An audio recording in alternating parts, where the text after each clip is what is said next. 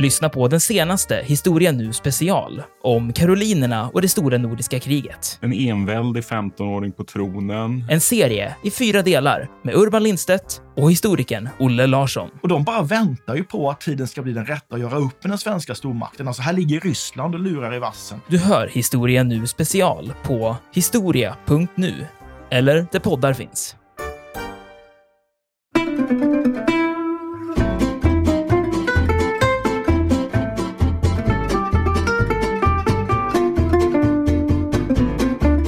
För mig att 1941 så var ransonen nere på ett halvt kilo per person och då skulle det räcka i 15 veckor. Ja, just det. Och det är ju faktiskt otroligt lite kaffepulver. Det är väl en liten kopp kaffe i veckan Ja. ungefär per, per, per person. Och då förstår vi också varför de här surrogaten kommer till. Ja, just det. För en del varor gick ju faktiskt att, att ersätta.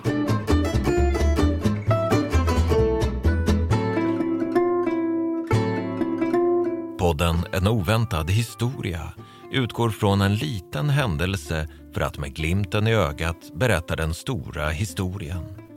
Programledare är historikerna Olle Larsson och Andreas Marklund.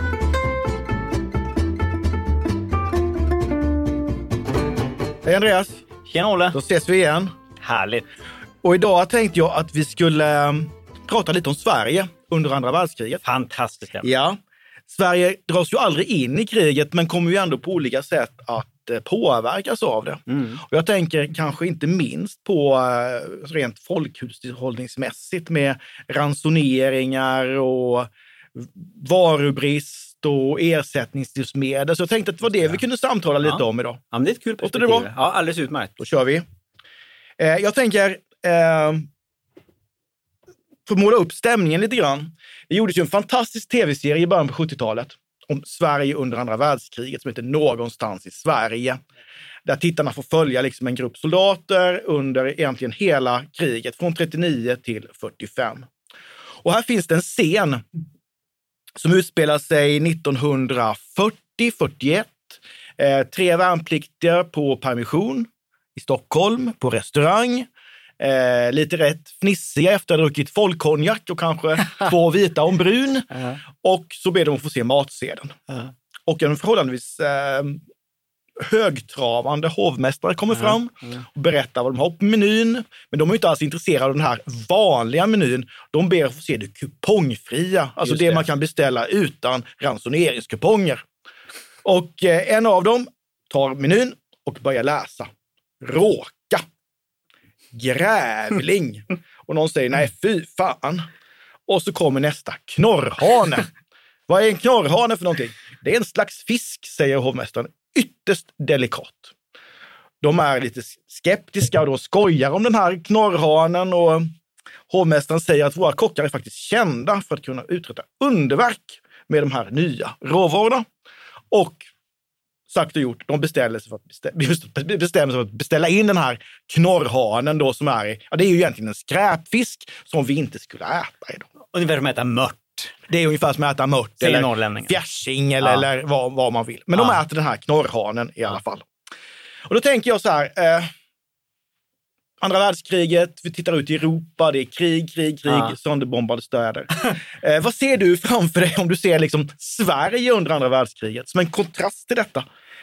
Eh, Alltså, på ett personligt plan, alltså, det är två grejer tror jag faktiskt. Eh, Det ena för mig det är nog Ulla Billqvist som jag ser framför mig och jag hör hennes eh, evergreen, Min soldat. Apropå det du just nämnde, någonstans i Sverige. Som dessutom var titellåt till den här tv-serien. Ja, exakt. Det var säkert i det sammanhanget jag hörde den första gången. Och dessutom tänker jag nog kanske lite grann på min egen soldat. Alltså min farfar var ju faktiskt beredskapssoldat och bevakade den norska gränsen någonstans där uppe i Lappland. Och han berättade hela tiden dråpliga historier om det han upplevde under kriget. Det kan jag återkomma till en annan gång tror jag. Men han snackade bland annat om den här om hur man liksom blandade ut eh, piptobak med enbärsris och sådana saker för att få den att räcka längre. Så det, det tänker jag på. Ja, det är intressant det där, för vi har ju oftast våra, alltså våra, våra bilder av, i vår generation, eh, vi som är födda 60-70-tal, vi har ju våra bilder och berättelser från våra föräldrar och farföräldrar Ja. som berättar om mörkläggningen. En del berättar om beredskapen, Ja. men nästan alla kommer in på det här med ransoneringarna. Mm. Vad åt man egentligen? Ja, ja. Och jag tycker det här är så fascinerande. Alltså man är ju, när, när kriget bryter ut i september 39 eh, så då har man ju precis haft ett världskrig bara drygt 20 Just år eh, bort. Och, och man har ju ändå, för Sverige hade ju brist på livsmedel och folk svalt ju faktiskt i Sverige under första Ja, det var riktigt illa då, ja. Och det här gör ju att när andra världskriget bryter ut så är man ju mycket bättre förberedd. Kanske inte militärt, men folkhushållningsmässigt är man det ju. Vår beredskap är god. Vår beredskap är god. Och det handlade ju framför allt om folkhushållningen. Ja, precis. Och, och det tror jag även gäller på det personliga planet. Det kanske vi återkommer till senare, men jag tycker mig ha läst att folk började bunkra upp med kaffe redan långt innan krigsutbrottet. Det var liksom, oh no, here we go again. Ja, och dessutom ska man nog inte glömma heller att hela alltså 30-talet i Sverige var också besvärliga år, inte minst början på 30-talet, Ja, där man ja. alltså kan tala om, om nödår i efterdyningar av den stora depressionen efter börskraschen eh, 29. Så vi har helt enkelt ett folk som är ganska, ska vi säga, ganska väl förberett ändå på att kunna ställa om. Kan man säga så? Krismedvetet. Krismedvetet kan man säga. Och regeringen är ju det också. Eh, Definitivt Man delar ju ut ransoneringskort redan 39, alltså när Mm. kriget har brutit ut. Inte för att användas just då, men för att de ska finnas redo om man behöver använda dem. Precis. Vi kanske ska understryka igen att det gäller inte ur ett rent traditionellt militärt perspektiv. Men vad gäller kaffe och käk så är man väl Det förberedd. är man väl förberedd. Ja. Och också det här med att man förstår ju att det kommer snart bli brist på varor. Ja. Så man inför ju också de här prisregleringarna Ja, det, där man ja. sätter maxpriser för att inte just få sätta igång en spekulationsvåg. ja. Vad, vad händer Ja. när eftertraktade varor eh, blir sällsynta? Ja, då, naturligtvis går ju priserna upp Ja, och det vill man ju undvika. Precis när bristen slår till. Ja, så att Precis. Och man kommer ju, man klarar sig ju rätt bra, alltså första, nästan på ett krigsår. Mm, Men sen från och med eh, i maj 1940 just det. så kom ju de här eh, de första ransoneringarna. Mm. Och man delar ut, börjar dela ut ransoneringskuponger, att man får handla på kupong i Mm. affären. De här Mm. kupongerna ska ju liksom klistras upp och redovisas.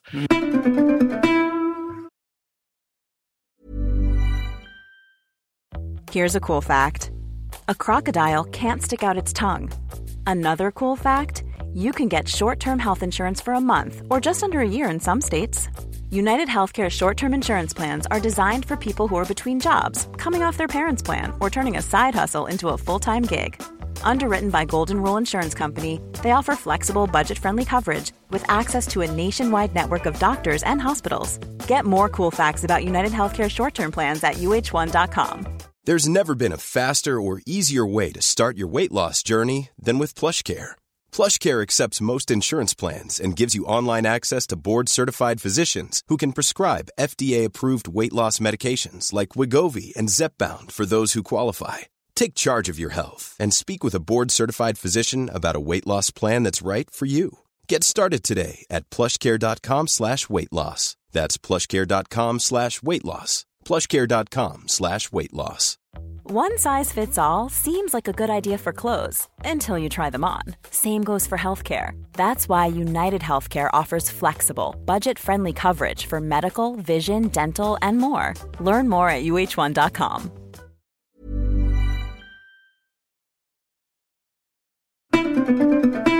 Vilka varor var det man ransonerade? Det börjar väl med kaffe och te. Ja, Eh, och så, är, så kom, går det väl så här slag i slag. Det är liksom det är socker, det är, vad är det, det är salt, det är fläsk, det är smör, det är eh, kött, det är hav, gryn, ha, det är havregryn, ja. det, är, det är alla möjliga livsmedelsartiklar.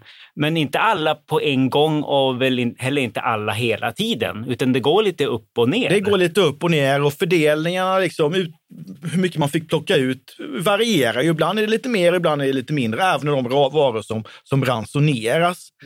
Men jag tror att det är väldigt viktigt just att komma ihåg, precis som du säger, att alla varor inte var ransonerade. Det fanns faktiskt vissa varor som var fria. Fisk?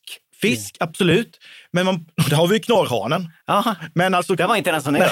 Nej, precis. Men det finns ju ett skäl till att fisken... Eh, i- dels att den är ju, det fanns gott om fisk, Ja. men samtidigt så blir fisk ändå en bristvara. Ja. Och det beror ju på kriget, att man inte kan nå de här traditionella fiskområdena på grund av oroligheter, på grund av, av minspärrar. Och Ja, och Skagerrakspärrar och... Sverige påverkas ju mycket av just den här Skagerrakspärren. Det, det är en väldigt viktig när, när det anledning. gäller ut, utrikeshandeln här. Men just knorrhanen kommer ju till då. Det, är- det är ju en sån här fisksort som man aldrig hade ätit annars. Och sen kanin till exempel. Kanin, ja absolut. Ja. Det var ju jättepopulärt. Alltså, det fanns väl, om man får säga så, på alla menyer nästan och i alla kokböcker så var ju liksom kanin väldigt eh, högprioriterat.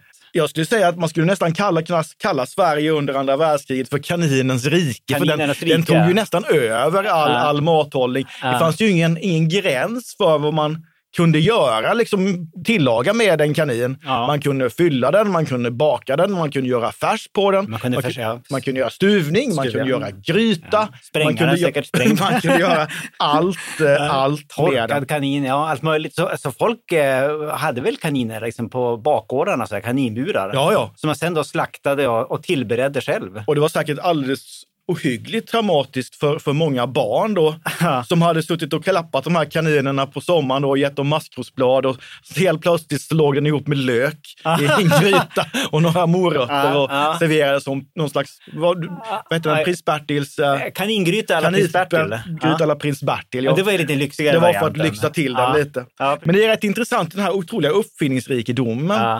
Och här spelar ju faktiskt den svenska pressen en ganska stor roll. Just det. Mm. Den spelar ju roll här skulle jag säga, på två sätt. Mm. Dels som en idégivare, att så här kan ni liksom hushålla Mm. med, eh, med produkter som, som, som det råder brist på, eller som är ransonerade. Mm. Men också det här med att skapa någon slags, eh, vad ska vi säga, folkhushållningsmoral. Ja, just det. Det var lite ajabaja. Det var lite ajabaja. Ja, det fanns där. Och det är ju många av de här eh, artiklarna som är väldigt, ska vi säga, väldigt moraliska i tonen. Ja. Jag satt och läste förra veckan en, en, ett gammalt nummer av det. 1942. Ja.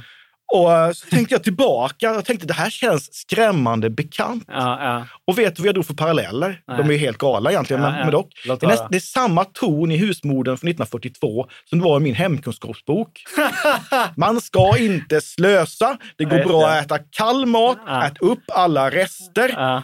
Och så vidare och så Ja, ja, vidare. precis. Mannagryn är minsann lika gott som Ja. oxfilé. Ja, men Ja, lite, precis. lite grann den, Exakt, här, exakt. den tonen fanns. Alltså nästan lite Ät mästrande upp dina ärtor. Ungefär så. Ja, ja, just det. Så ja. eh, Och det gällde liksom på riksnivå också. Alltså Per Albin svingade ibland med, med, med piskan eller pekpinnen eller vad man ska säga. Höll inte han ett tal var, var det redan första september 1939, alltså Jo. jätte, jättetidigt, där han ondgjorde sig över vuxet folk som förgäter all samhällssolidaritet. och fullständigt tappar huvudet. Just det! Ja. Och förgäter samhällssolidariteten. Alltså det handlar ju det handlar ju om hamstrarna. Ja, och de som sen kan tänkas sälja på svarta börsen. Exakt. Och det fanns ju också i veckotidningarna den här fru Hamsterlund. Ja, hon- hon var inget som, trevlig. Nej, hon framställdes som ett otroligt varnande exempel. Ja. Och föreställer ju helt enkelt då en, en kvinna klädd i typiska 40-talskläder som en husmor med förkläder Ja. som bär kopiösa Ja. mängder livsmedel som hon inte ska äta här och nu utan möjligtvis sen. Hon var otrevlig mot personalen Ja. och allt sånt. där. Jag har läst Ja, ja, det. Det är helt fantastiskt. Så hon är ju också då, det här, så här ska man inte vara. Det kom ju till och med någon, en, någon sång. Va? Det gjordes en, en platta som handlade om fru Hamsterlund som heter Hoppsan fru Hamsterlund. När hon blir tagen på bar nej, gärning. nej, nej, det, det, han- hon är, ja, det, det är väl det som är poängen då, att hon tas på bar gärning och det är pinsamt. Men hon är en så obehaglig typ som hon gruvar för tjuvar och hon, hon stuvar och har sig. Och det intressanta är att här nämns det också en herr Hamsterlund. Och herr Hamsterlund, han, han eh, bunkrar inte upp med käk så mycket. Han gräver däremot ner bensin i trädgården. Ja, och jag tror att han, han också var svår på bildäck. Ja, just det. Ja, för det var ju precis. också ransonerat. Precis, för det var inte bara käket som var Nej, ransonerat. men det är ju andra saker också. Det, det är ju bränsle till exempel. Tvål är ransonerat, varmvatten är ransonerat. Och på grund- el. Och el på grund av också då att eh, bränslet var ransonerat. Men det som jag kan tycka är så fantastiskt när man, när man tittar tillbaka på den här tiden och man, man tittar på alltså hur, man, hur man faktiskt lyckas få ihop det på något sätt Ja. eh, ändå. För det var ju, en del ransoner var ju med våra mått mätt, låt säga minst sagt knappa. Ja, kaffet inte minst. Kaffet ja. vad var det, det var 13 gram per person i veckan när det var som värst. Ja, jag har för mig att 1941 så var ransonen nere på ett halvt kilo per person. Och då skulle det räcka i 15 veckor. Ja, det. Och det är ju faktiskt otroligt lite kaffepulver. Det är väl en liten kopp kaffe i veckan Ja. ungefär per, per, per person. Och då förstår vi också varför de här surrogaten kommer till. Ja. För en del varor gick ju faktiskt att, att ersätta. Vad gjorde man kaffe av? Ja, allt möjligt egentligen. Alltså, det fanns ju då en lyxversion som var då eh, kaffe kokt på så cikoriaknölar. Eh, som man då, eh, tror jag, kokade och rostade och sen malde ner som någon slags kaffepulver. Och det har vi ju faktiskt just smakat. Vi har ju hittat här en liten Ja. burk med cikoriakaffe, m- modern, eller postmodern version, som är någon slags här decaf-kaffe eh, med, baserat på cikoria som då är en, en slags blomma. Och, eh, Smaka. Ja, jag du smakar här och nu Ja. och eh, konstaterar eh, att det absolut inte är obehagligt. Men då är det här, då, det här är ju deluxe-versionen. Då. Eh, det finaste man kunde dricka inom ka- kaffesurgenren på under andra världskriget. Det smakar lakritsal, tycker jag. Typ ljummen lakritsal. Säljer inte in det bra. Men alltså som sagt, det är lyxversionen. För Alltså, cikoria var väl ändå den, det, det, det finaste kaffesurrogatet, för det kunde ju egentligen lika gärna varit gjort på ärtor, Rödbetor. säd, rödbetor, potatis. ja. Eh, jag kan tänka mig att det som var gjort på ekollon var tämligen Det- det låter obehagligt. Grejen var ju den att man skulle liksom bränna det här, man skulle rosta det. Och jag vet att ibland blev det en väldigt bränd smak hela. Jag har inte minst sett, jag har ju kollat lite grann hur man, hur man hanterar det här i Danmark, där jag ju bor. Och det kallade man sig kaffesurr för, för löpsot. My, mycket på grund av att det var så jädra bränd eftersmak. Alltså alla kunde som såg ut som kaffe, men det var svårt att få något riktigt välsmakande. Och det var ofta så här ekollonbaserat. Jag läste ett recept hur man kunde göra eget kaffesurrogat. Det var något som kallades för knallar. Återigen i detta husorgan, eh, husmodern. Ja, ja, ja, viktig tidning. Man tar helt enkelt, eh, de mäter i liter, en liter kokt potatis. Ja. Och sen så tillsätter man grovt rågmjöl Ja. eller vetekli. Man kan välja om man vill ha variation. Och av detta då så, mal, så förvandlar man det här till en deg. Just det, man bakade kaffe. Och sen så rullar man ut det Ja. till väldigt långa, tunna stänger, ungefär som tjock grissini. Ja, om man det. tänker ja, sig. Jo, jag ser det framför så, mig. så rostar man den här i ugnen och då strör man på lite socker. Jaha. Och det gör man inte för smak. Ja, och det får bara vara lite socker för socker var ju ransonerat. Och, det här, och sen så rostar man det här i ugnen. Ja. Och sen tog man ut det. Sockret var ju framförallt för att det skulle ge färg, inte så mycket för smakens skull. Ja, men kanske att det kamouflerar den här den brända jag smaken så kan jag lite tänka grann. mig att den blir lite, lite klatschigare i färgen också Ja. än, än det här grå. Kan det kunna ha blivit annars. Ja. Ja. Och så mal man den här. Och sen så använder man, alltså man tillsätter en del kaffepulver Ja, till det. två delar mald knalle och voilà, så har du någonting att bjuda. Ja, det är fantastiskt. Men just det här att man, liksom, man bakade själva kaffet. Liksom. Jag har Ja, också hittat ja, de här ja. recepten. Ja. Vissa av dem var baserade på, då använde man gårdagens kaffesump. Och så blandade man med, med vetemjöl eller vad det nu kunde vara för någonting. Gjorde det någon slags skorpor. Så man, alltså man rostade det här och malde ner det och så drack man det efteråt som kaffe. Eh, det är fantastiskt. Ja, det- Man gjorde det från scratch. Ja, och det, man, jag tycker man lär sig ändå en hel del. Alltså, det säger mycket om, om tiden och alltså, Ja. den beredvillighet som ändå fanns att anpassa sig. Ja. Att gå över till de här typen av nya råvaror. Alltså, kanin hade ju folk ätit, men kanske inte i den omfattningen. men man började ju också äta andra saker. Ja, grävling. Eh, Grävling till exempel. Jag har läst ett fantastiskt recept Ja. på grävling och hur man ersätter julskinkan. Ja. Fläsket var ju ransonerat Det är också med grävling. Ja. Och Det ska ju gärna då vara en ung grävling Hona helst. och hona. Förmodligen var de lite mindre stickiga i smaken än Ja, de manliga mo- äldre Eftersom motsvarigheterna. inte brunst smakar gott. och sen skulle man ju då eh, flå den här grävlingen och så skulle man ju tvungen att ligga i vatten. Ja. ganska länge för det skulle dra ut transmaken. Ja. Och så skulle man skära, ut, skära bort så mycket feta delar som möjligt eftersom fettet då också var en smakbärare. Ja. Man förstår ju då att från början, innan man hade kommit fram till det här, så var grävlingen kanske inte speciellt njutbar. Förmodligen Men det här ska ju ha fungerat och det står ju också att den är lika god att äta varm som Exakt, kall. Just det. Så den ska ju ersätta Som en riktig julskinka. som en riktig julskinka. Ja. Den skulle jag ersätta det också. Ja.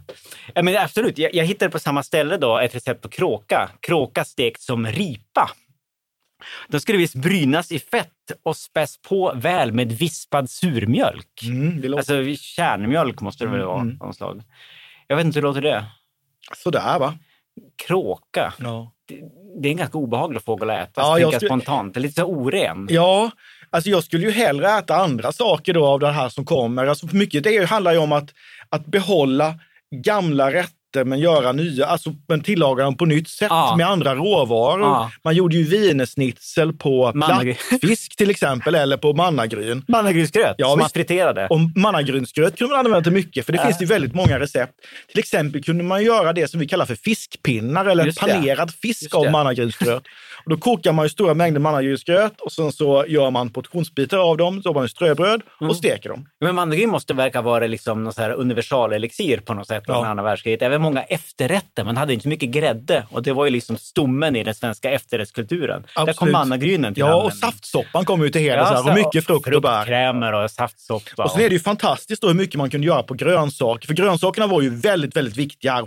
Det slår mig också att palsternacka Överallt. används i en väldig mängd rätter. I Palsternacksfärs. Palsternacksbiffar. Ja, just det. Eh, istället för ryggbiff så gjorde man det på palsternacka. Jag tror jag sett palsternacksschnitzel Ja, också. det, palsternackan är jättepopulär. Och sen naturligtvis potatisen Mm. väldigt, väldigt, väldigt All over the viktig. place. Men inte så mycket i spriten, intressant nog. För det var det cellulosa. Precis, man, man drar ju ner också eh, spritransonerna. Spriten var ju ransonerad redan före kriget Ja. med motbok och till fyra liter i månaden. Aha. Och då drar man ju ner det här till tre liter i månaden. Ja. Också för att spara på potatis. Som du säger då, man gör sprit på cellulosa. Ja, planksaft. Planksaften, ja. Och det, låter driver ju 91 den här fantastiska serietidningen, som ju kanske på något sätt fortfarande förmedlar andan från den här tiden. Det är lite beredskapsanda Det med är det i detta, högsta med, med grad. lite grann glimten i ögat, Ja, får man ju säga. Det är lite någonstans i Sverige-känsla. Jag tänker alltid på min farfar i alla Ja. fall jag läser 91 Och det blev, var ju också så att man odlade ju upp parker i större städer och satte just potatis. Ja. Och det var ju också det som just startade de här stora kravallerna under första världskriget. Det var ju bristen på potatis. Så det fick ju bara, 1917. precis, och det fick ju bara inte hända igen. Och det, jag läste någonstans att morot, morotskonsumtionen ökade väldigt mycket under krigsåren. Så mycket att många svenskar var pikant orangea i hyn, gulorangea på grund av liksom någon slags eh, överintag av, av karotin. Jag ska säga, en oväntad bieffekt av kriget.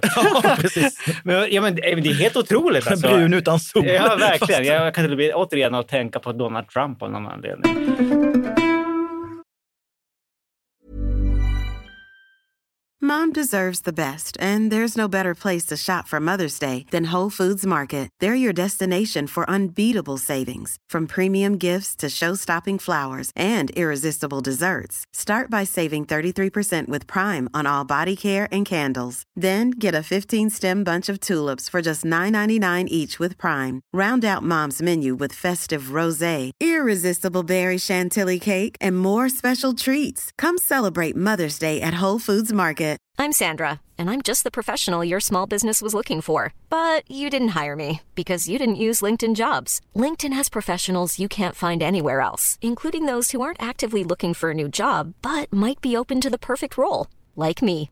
In a given month, over 70% of LinkedIn users don't visit other leading job sites. So if you're not looking on LinkedIn, you'll miss out on great candidates like Sandra. Start hiring professionals like a professional. Post your free job on linkedin.com/people slash people today. Life is full of what ifs. Some awesome, like what if AI could fold your laundry? And some, well, less awesome, like what if you have unexpected medical costs?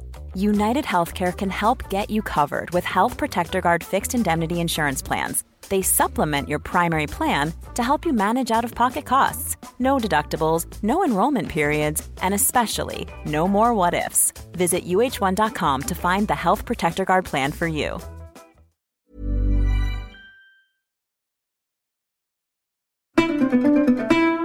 Men eh, svenskarna blev ju faktiskt eh, ofrivilliga vegetarianer under Ja. den här tiden. Det är det som är så intressant. Alltså, det känns ju på många sätt, det är många bisarra inslag naturligtvis i de här kokböckerna. Men mycket av det känns också väldigt nutida. Väldigt, alltså, alltså, så här, köttersättningen där. Alltså, Ja, och mycket känns ju väldigt, väldigt modernt. De här Väggbiffar. Ja, som, de- som jag sa när jag fick de här vibbarna till min, i min hemkunskapsbok. Det var ju ingen slump, för det är ju sånt man själv fick höra. Du ska äta upp allting, ingen mat får förfaras, eh, gör rester, det går bra att äta kall mat. Och det här är ju precis liksom idag, det är närproducerat. Det finns också den här köttersättningen då. Ja, det är liksom Ja. andra världskrigets umf eller eh, Ja. korn eller vad det Ja, heter. ja. Det är ju egentligen på det sättet inget, inget nytt att man kan ta till andra, andra livsmedel. Ja, precis. Nej, men det är på många sätt jag tycker det är imponerande. Alltså, Men någonting jag- som jag- slog mig som jag inte visste faktiskt när jag började läsa, återigen min husmodern, Ja, det är ja. ju det här med hur vanligt makaroner var. Ja, just det. För makaroner, jag uppfattade makaroner som att det måste vara ganska italienskt och exotiskt. Mm. Alltså, men det är så att liksom för att dryga ut många olika rätter med. Mm. Eh, jag tänker till exempel husmodern igen då, Mm. hade, hade ju tävlingar för hur man kunde, vem som kunde få ut Mm. flest antal rätter på ganska liten mängd råvaror. Mm. Och en sån här tävling handlar om hur många rätter kan du laga med hjälp av 500 gram färs. Mm. Och vinnaren lagade ju 21 rätter. Det är ju i högsta grad uppfinningsrikt Ja, det imponerande. och imponerande. 21 olika... Som jag förstod det, ja. ja. Ja. Inte portioner utan olika.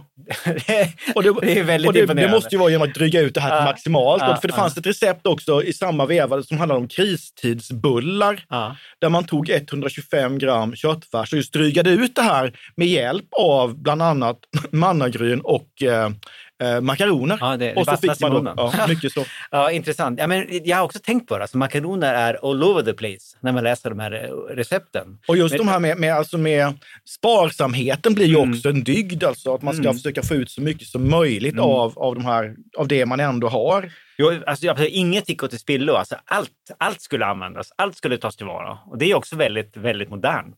det Visst är det det. Och det kom ju just en, en, en, det kom en kokbok 1942 som anspelar på den här klassiska Kajsa Warg, man tager vad man haver. Precis, precis. Och där är det ju en signatur där som heter Fru Frosta som berättar hur man kan få ut max av en fläskkotlett.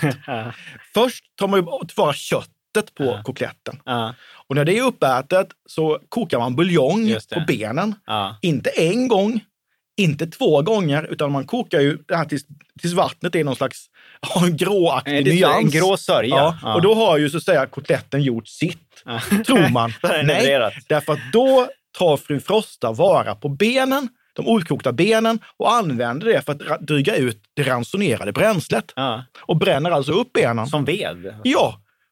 Och, det är, och ko- kotlettens öde är ju inte slut där. Nej. Därför att när den har brunnit ut så har den blivit aska, nyttig aska, ja. som man kan göda med. Just det. Jag tycker det är fantastiskt. Alltså hur man tar tillvara på allting. Snacka om recycling. Men en sån här produkt som väckte ont blod när det ransoneras, det var ju tobak. Ja, just det. Mm. För där fanns ju en könsaspekt också ju. Just det. Att eh, männen fick ju tobak från 18 års ålder, kvinnor Ja. från 20. Männen fick cigarrer, piptobak, Kvinnor bara cigaretter. cigaretter och kvinnor bara cigaretter. Ja, just det. Och så kunde man byta in en viss del av sin Ja. tobaksranson mot kaffe Ja, om man, om man vill. Just det.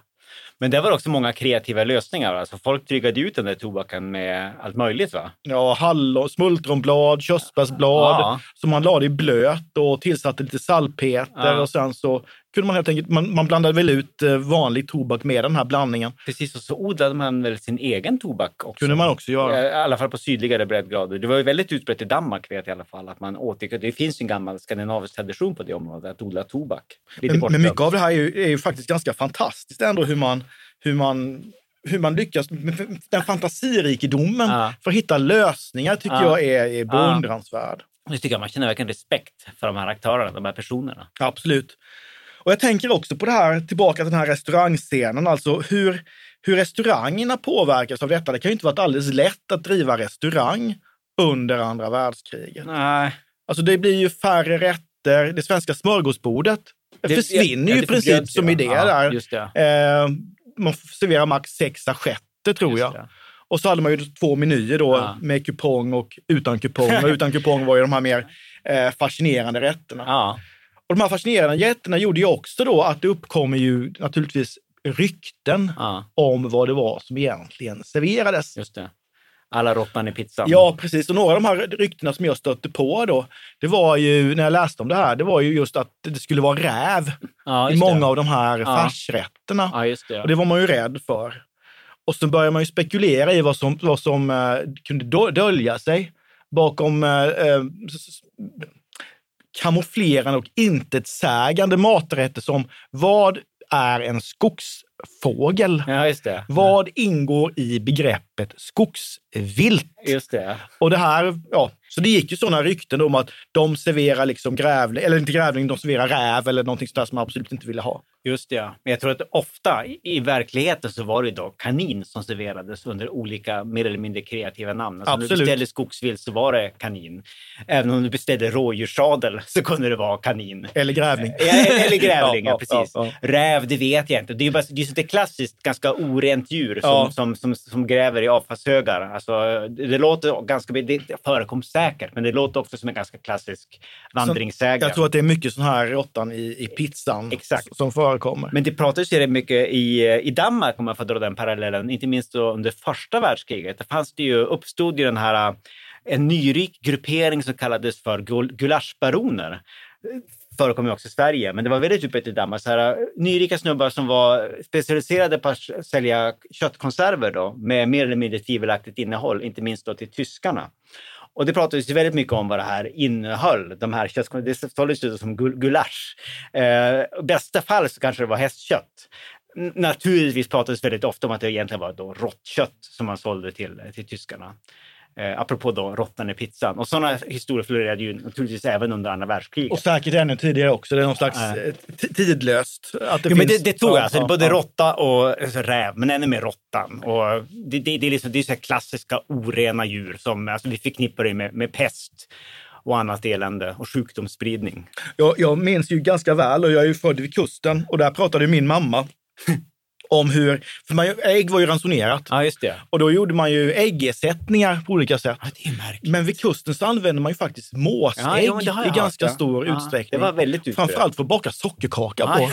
Och min mor berättade hela tiden hur, alltså den var inte god.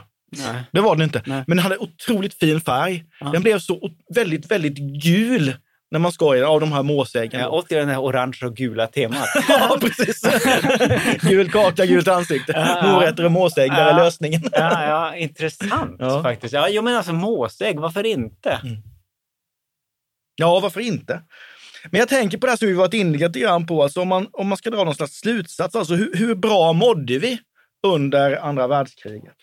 Alltså förvånansvärt bra, tror jag. Alltså jag tror hälsoläget var, eller jag vet, alltså det finns många undersökningar som tyder på att hälsoläget för de som var på hemmafronten, som inte dog av krigsrelaterade skäl under andra, andra världskriget, även i ett land som England, det, det var förvånansvärt bra. Spädbarnsdödligheten minskade. Eh, folk levde i genomsnitt lite längre, alltså folk på hemmafronten. Och det tror jag i hög grad, enligt de undersökningarna, så finns handlar vad man åt varierat. Alltså man, det, var, det var mindre fett, det var mindre socker, det var mer grönsaker. Och inte minst i Sverige, så det är det väl, stora delar av Europa, så man, man rörde sig mycket Ja, på grund av att det, Ja. det var den här bensinransoneringen. Och man hade ju också det här med, det fanns ju en, en helt annan alltså fysisk fostran i rikets tjänst. Vi går riksmarschen Ja, och, och allt fältsport fanns det finns ju en del som faktiskt menar att vi aldrig har varit så friska generellt sett som just under beredskapsåren. Nej, och eh, att det då berodde på kosthållningen, mindre kött, mindre fett, mindre socker. Mindre och, kaffe. Och mindre kaffe och, och mindre tobak. Ja, och, och, och, och, rörelsen då, Ja. att det var faktiskt eh, mycket gynnsamt. Ja, det tror jag. Och så, inte minst det att vi blev, vi blev ofrivilliga vegetarianer, i alla fall, vad heter det nu, flexitarianer. Flexitarianer. Ja. Och sen finns det, alltså, det är ju inte så att ransoneringen helt slutar så här när Nej. kriget slutar, Nej, nej, utan det är ju de sista ransoneringarna upphävs ju 51 eller 52. Jag tror 51 i Sverige och det är kaffe. Och då är det kaffet ja, som blir fritt. Och det Ja. var ju väldigt, väldigt stort Ja. när kaffet släpptes fritt igen. Men det intressanta är ju att det tycker jag, det märker man både i i Sverige och i Danmark, men kanske ännu mer i Danmark, det är att det finns en viss nostalgi omkring kaffesurret. Alltså det känner vi nu när vi dricker det. Inte 17 är det kaffe, men det är ju rätt, det är ju rätt Det är rätt gott. Ja, ja, ja. Eh, så Det var i- mycket värre. Precis. I Danmark så var det ju ransonering ännu längre, alltså till mitten av 50-talet. Men alltså jag vet ju, du, du- kunde ju köpa det här, det, det finns som heter Riks i Danmark. Riks. Eh, det är Riks som dricks. det, kan, det kunde du fortfarande köpa idag. Om du går på ett Nationalmuseet eller Arbetarmuseet så kan du köpa Riks i museishoppen i alla fall. Alltså det är populärt. Folk säger att det var ännu godare än vanligt kaffe. Och det var många som blandade vanligt kaffe med Riks. För de hade vant sig vid den smaken. Och jag tror till och med att det var faktiskt så att det, det är nyttigare vanligt kaffe. Jag får inte det där, de där skakningarna eller hjärtklappningarna. Och jag tror, jag tror precis också som du säger att det, det finns en nostalgi kring, kring de här beredskapsåren som vi talar om då. Framförallt hos den generation som är äldre än, än, än, vad vi är. För vi har bara upplevt det indirekt. Men just det här med, det var mysigt med kaféerna och ah. mörkläggningarna. Och man minns det här med, med ransoneringarna och man minns hur känns det att handla på kupong. Och ah. när man fick de här varorna ah. som, som, som, inte var en del av vardagen. Det blev fest på ett helt annat sätt Exakt. ändå. Vilket ju är ironiskt på många sätt, för jag tror att även under andra världskriget när man hade de här äh, fikaritualerna, det var också nostalgi, för då drömde man sig tillbaka till en tid av normalitet och det inte var världskrig. Det var ju skit, det var ju normalitetsritual. Ja. Det, var, alltså, det är lite Paradise Lost nästan, när man satt där mitt i. Man visste ju inte hur det där skulle sluta. Vilka skulle vinna det här kriget? tycker jag det är rätt intressant också eftersom den mjölken var, mjölken var ju aldrig ransonerad. Nej, just det. Men det var ju ost och smör och grädde. Mm. Men det man gör med mjölken är att man sänker fetthalten. Ja, vi får ju standardmjölk. Så det blir ju den som blir standardmjölken efter kriget. Och det är ju rätt intressant för det lever vi ju kvar med alltså in, på, alltså in i vår egen tid egentligen. Jag tror mell mellanmjölken skulle vara någon slags mellanvariant ja. den lättmjölken som var vattnig och den här standardmjölken som då ansågs vara för fet. Ja. Den lanserades ju i början på 80-talet. Som ju var fettsnål mjölk när ja. den kom under andra världskriget. Och det är intressant, det säger kanske en del av den svenska krigserfarenheten. Alltså det är liksom the legacy, ja. äh, arvet efter andra världskriget i Sverige, det är ju standardmjölken i hög grad. Och den, upplag, den upplevs ju förmodligen som ganska vattnig då. Jättevattnig, för komjölk är väl kring, vad är den, 4-5 4-5 procent i fetthalt. Standardmjölk i Danmark, om man får dra en parallell, den är ju då, det heter bara sötmjölk och den är 3,5 och det tror jag faktiskt är europeisk standard. Alltså svensk standardmjölk är ovanligt fettsnål i den branschen.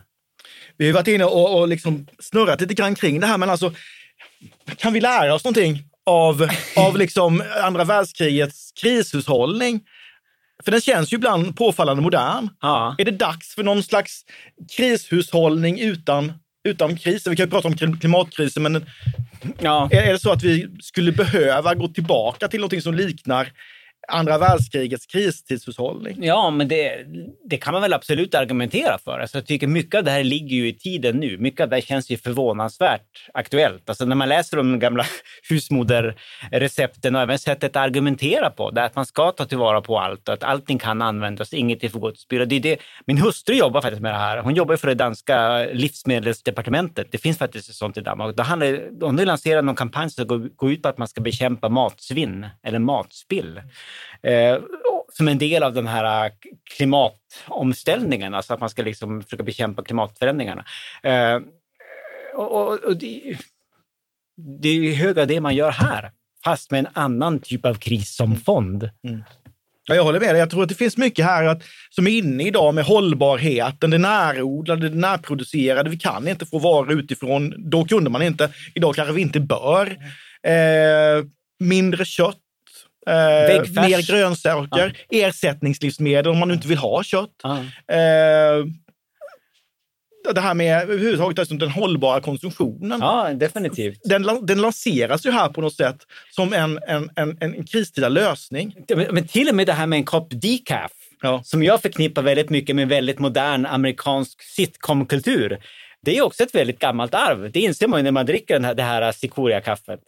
Det uppfanns ju redan under, under första världskriget. Det ska vi också kanske prata om en annan gång, men alltså krishanteringens ABC lärde man sig ju egentligen under första världskriget.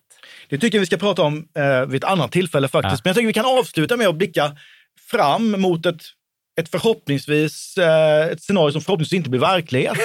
Vad skulle hända om vi drabbades av en likartad situation idag? Alltså hur skulle vi klara oss från, alltså med avspärrningar, med de här ransoneringarna. Jag tänker i en tid där vi i princip inte är självförsörjande på speciellt mycket. Vad tror du? Eh, jag, jag, kan inte bli att tänka på den här nedstängningen av samhället här under coronan där folk plötsligt började bunkra upp med toapapper och andra grejer. Ehm, jag vet inte, det, det, det, är svårt att säga, men det är väl en del som tyder på att kanske just precis Sverige på vissa punkter hade eh, institutionellt sett en ganska dålig, eh, vad ska man säga, krisförberedelsenivå jämfört med många andra länder. Och så, så pratar man ju mycket om att det, det, det eh, jag tror ju att de, de, de, naturligtvis fanns det ju de som bröt mot detta, svarta börshandlade ja. och hamstrade ändå, men majoriteten av svenska folket under andra världskriget känns som att de ändå lojalt följde de här bestämmelserna.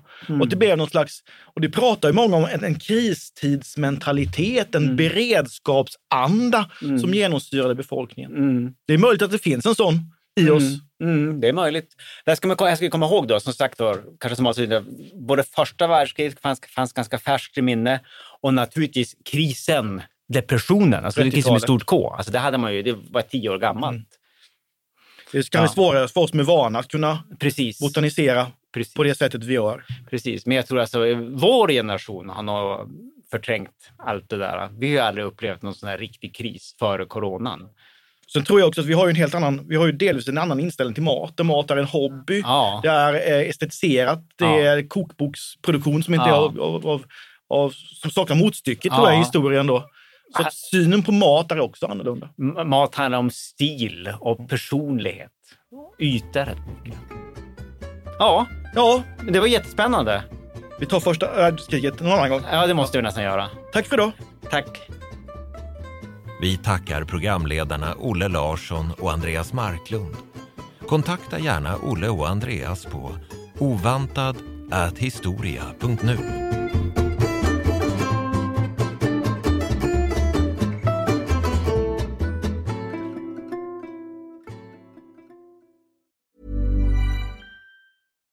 deserves the best, and there's no better place to shop for Mother's Day than Whole Foods Market. They're your destination for unbeatable savings, from premium gifts to show-stopping flowers and irresistible desserts. Start by saving 33% with Prime on all body care and candles. Then get a 15-stem bunch of tulips for just $9.99 each with Prime. Round out Mom's menu with festive rosé, irresistible berry chantilly cake, and more special treats. Come celebrate Mother's Day at Whole Foods Market. Hey, it's Paige DeSorbo from Giggly Squad. High quality fashion without the price tag. Say hello to Quince. I'm snagging high-end essentials like cozy cashmere sweaters, sleek leather jackets, fine jewelry, and so much more. With Quince being 50 to 80% less than similar brands. And they partner with factories that prioritize safe, ethical, and responsible manufacturing. I love that. Luxury quality within reach. Go to quince.com slash style to get free shipping and 365 day returns on your next order. Quince.com slash style. Iran har under 1900-talet genomgått tre omvälvande revolutioner som orienterat landet antingen mot västerlandets modell eller mot en auktoritär styrelseform. Idag pågår en social revolution i landet som vänder sig mot det islamistiska styret och vars anhängare har Europa och väst som förebilder. I en viktig bok ger idéhistorikern Mohammad Faslashemi en djupare förståelse för dagens dramatiska händelseutveckling. Iran mellan tre revolutioner är utgiven av förlaget Historiska Media. Beställ den fysiska boken på förlagets hemsida historiskamedia.se eller köp den i en bokhandel nära dig.